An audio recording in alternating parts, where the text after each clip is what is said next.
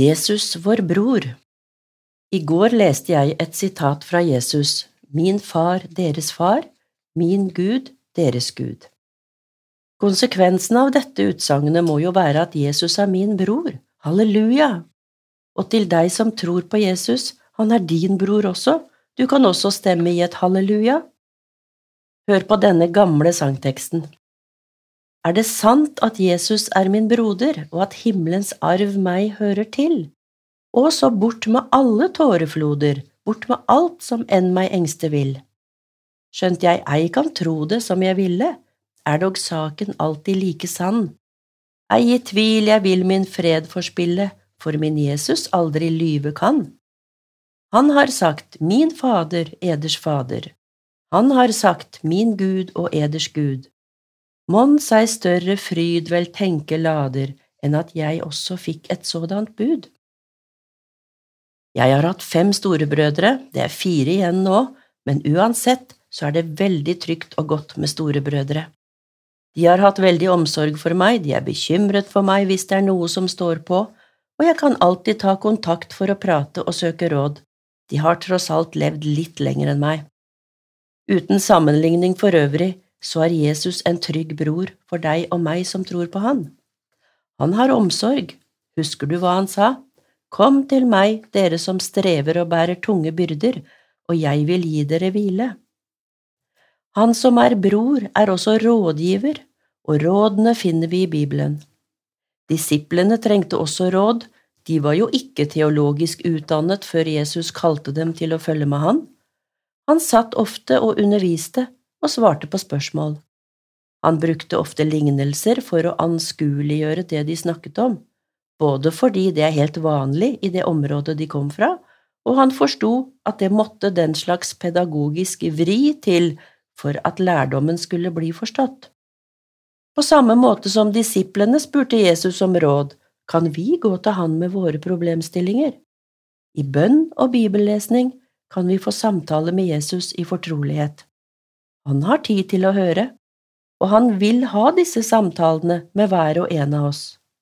Husk å være stille så du kan høre hans stemme også, ikke bare din egen.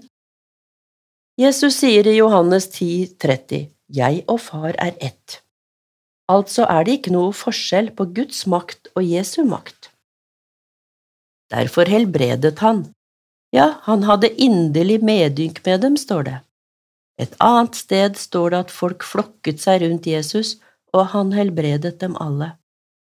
Fordi han var ett med sin far og vår far, tilga han synder og ga mennesker nederst på rangstigen en ny start. Men jeg må også understreke noe som gjør godt for meg. Jesus ber for oss søsknene. Han gjorde det da han levde her på jord, og han fortsetter med det i sitt evige rike. Deres far vet hva dere trenger, sa han, men likevel ber han for oss. I dag skal du finne fram Johannesevangeliet kapittel 17 og lese det rolig for deg sjøl. Der ber Jesus for alle sine, og det varmer godt å ta til seg den inderlige kjærligheten og omsorgen han har for hver og en av oss. Jeg skal bare ta med litt fra dette avsnittet. Da skal verden skjønne at du har sendt meg, og at du elsker dem slik du har elsket meg. Far, du har gitt meg dem, og jeg vil at de skal være der jeg er, så de får se min herlighet, den du har gitt meg, fordi du elsket meg før verdens grunnlov ble lagt. Å være Jesus søster eller bror må jo bety at vi er medarvinger til Jesu Kristi rike, på lik linje med han sjøl. Arv er jo noe vi får, uten egentlig å ha gjort oss fortjent til det, bortsett fra å være i familie. Ukjent arving er en TV-serie hvor journalister leter etter ukjente arvinger til små og store formuer etter avdøde personer. Er du en ukjent arving? Jesus leter etter deg, for det er en voldsomt fin arv som venter på at du skal ta imot. Du er arving til himmelens rike. Ikke si at du ikke fortjener det, for det gjør ingen av oss, men Jesus Kristus, som døde på korset, som din bror, vil av hele sitt hjerte dele denne arven med deg.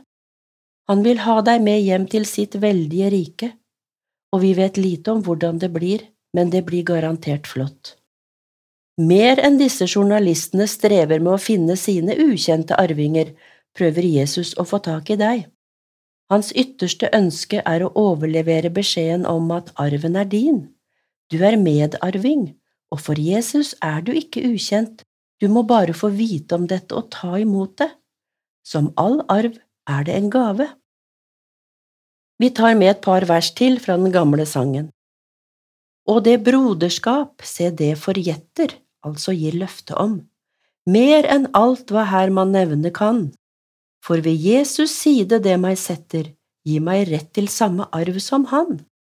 Samme arv der oppe i det høye, samme himmel, samme Gud og Far. Herre, Herre, åpne blott mitt øye for de skatter jeg i sannhet har. Tenk for en rikdom, og tenk på alle de som ikke vil ta imot denne arven, de vil ikke høre om den engang, det er vondt. Og så finnes det mange millioner ukjente arvinger der ute i verden som ikke har fått vite det fordi ingen har vært der og fortalt det. Det må vi gjøre noe med, for de har like mye rett på denne arven som deg og meg. Hva gjør du med den utfordringen? Ta litt tid i stillhet og be over det i dag. Kom, la oss juble av glede, ordet om livet er vårt. Du som fikk Jesus i gave, kan ikke gjemme ham bort. Tent for å tjene din neste, følge Guds kjærlighetsbud. Gi ham det største og beste, vise ham veien til Gud. Tjen Herren med glede, du blir glad i arbeid for ham. Tjen Herren med glede, da vil Herren føre deg fram. Kom, la oss juble for Herren, svare ham ja når han spør. Gå til en lidende verden, kom, la oss åpne vår dør. Ordet om frelse og nåde løser, forvandler, befrir. Mennesker våkner med glede, ser hva Guds kjærlighet gir. Tjen Herren med glede, du blir glad i arbeid for ham. Tjen Herren med glede, da vil Herren føre deg fram. Det sa Grete Slettmoen i Over en åpen bibel. Norea har produsert andakter siden 1956, for vi ønsker å styrke kristne i deres tro ved å løfte fram Bibelen som Guds sanne ord. Les gjerne mer om oss på norea.no, og følg oss på Facebook.